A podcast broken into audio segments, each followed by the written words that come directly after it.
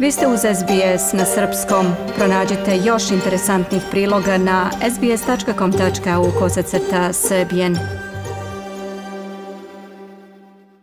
Generalni direktor Svetske zdravstvene organizacije Tedros Adhanom Ghebreyesus juče je na konferenciji za medije izjavio da je preko 8000 ljudi do sada umrlo od virusa korona, te da u svetu ima preko 200 slučajeva. On je istakao da Evropa i region Zapadnog Pacifika čine čak 80 ukupnog broja zaraženih.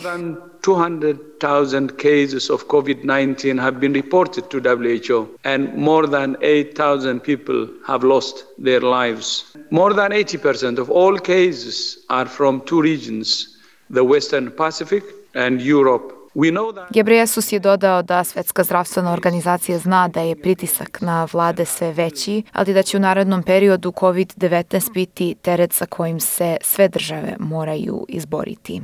Evropa je prošle sedmice proglašena novim epicentrom pandemije nakon što su novi slučaji premašili brojeve zaraženih u Kini. U Italiji je juče samo u jednom danu od posledice virusa umrlo skoro 500 ljudi, što je najveći zabeleženi broj od izbijanja pandemije.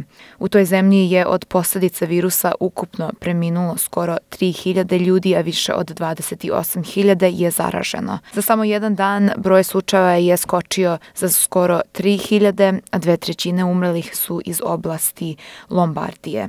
Prethodni dnevni rekord po broju umrlih u Italiji bio je u nedelju, kada je u jednom danu umrlo 365 ljudi.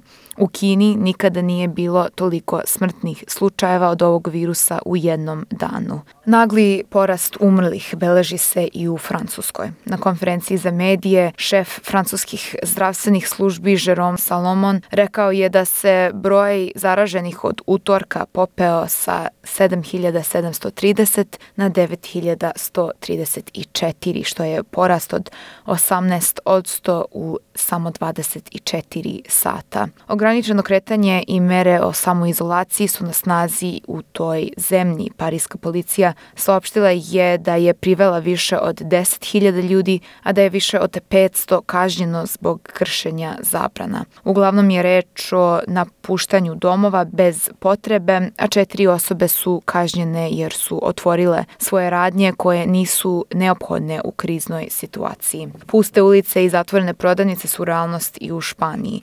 Premijer Pedro Sanchez pozvao je na jedinstvo u borbi protiv virusa, rekavši da najgore tek dolazi jer će još mnogo ljudi umreti, a pritisak na već maksimalno opterećeni zdravstveni sistem biće dodatno povećan. Zdravstveni sistemi u najrazvijenim evropskim zemljama teško izdržavaju nastalu situaciju. Nemačka će pretvoriti hotele i velike hale u bolnice kako bi se povećao kapacitet službi za intenzivnu negu obolelih. U Iranu, gde je do sada preminulo skoro hiljadu ljudi kao i u ostalim zemljama regiona, zatvaraju se džamije i sveta mesta. A kako kineski zvaničnici navode, broj novo obolelih je u padu u toj zemlji, ali su neke zapadne vlade i dalje skeptične da kineski mediji i vlasti ne prikazuju stvarnu sliku. Kina je s druge strane pre dva dana oduzela akreditacije od više američkih novinara. U saopštenju objavljenom rano u sredu po lokalnom vremenu, Kinesko ministarstvo spoljnih poslova saopštilo je da Kina od američkih novinara koji rade za New York Times, Wall Street Journal i Washington Post, a čije akreditacije ističu pre kraja 2020. godine,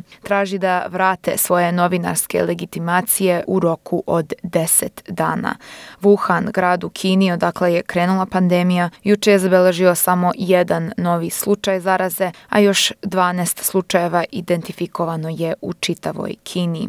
Svaki od novozaraženih u Kini je stigao iz inostranstva. Kina nije zatvorila granice, ali svi koji dođu iz druge zemlje moraju u karantin na 14 dana. Kina sada sve napore usmerava ka Evropi. Kako je najavila predsednica Evropske komisije Ursula von der Leyen, Kina će poslati više od 2 miliona zaštitnih maski Evropskoj uniji. Španija je među evropskim zemljama koje su prve zatražile pomoć od Kine. Ambasada Kine u Madridu saopštila je da Peking priprema prvu isporuku pomoći Španiji koja uključuje testove na koronavirus, hiruške maske i zaštitne naočare. Neimenovani zvaničnik rekao je da Kina razmatra i slanje doktora u Španiju. Takođe Kina sarađuje i sa vlastima u Srbiji, a kako navodi glas Amerike, pored testova i maska, kineski stručnjaci trebalo bi da do kraja nedelje stignu u Srbiju kako bi pomogli u borbi protiv pandemije. Zdravstvena kriza izazvala je i prekid mnogih društvenih aktivnosti širom sveta, a poremećena je i školska nastava u skoro svim zemljama. Organizacija Ujedinjenih nacija za obrazovanje, nauku i kulturu, UNESCO, saopštila je da je pola studenta i đaka u svetu sada van škole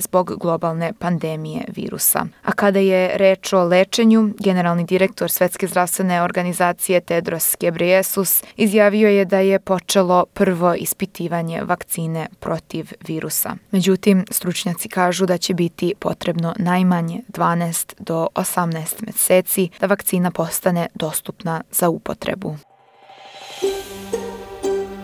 Želite da čujete još priča poput ove? Slušajte nas na Apple Podcast, Google Podcast, Spotify ili odakle god slušate podcast.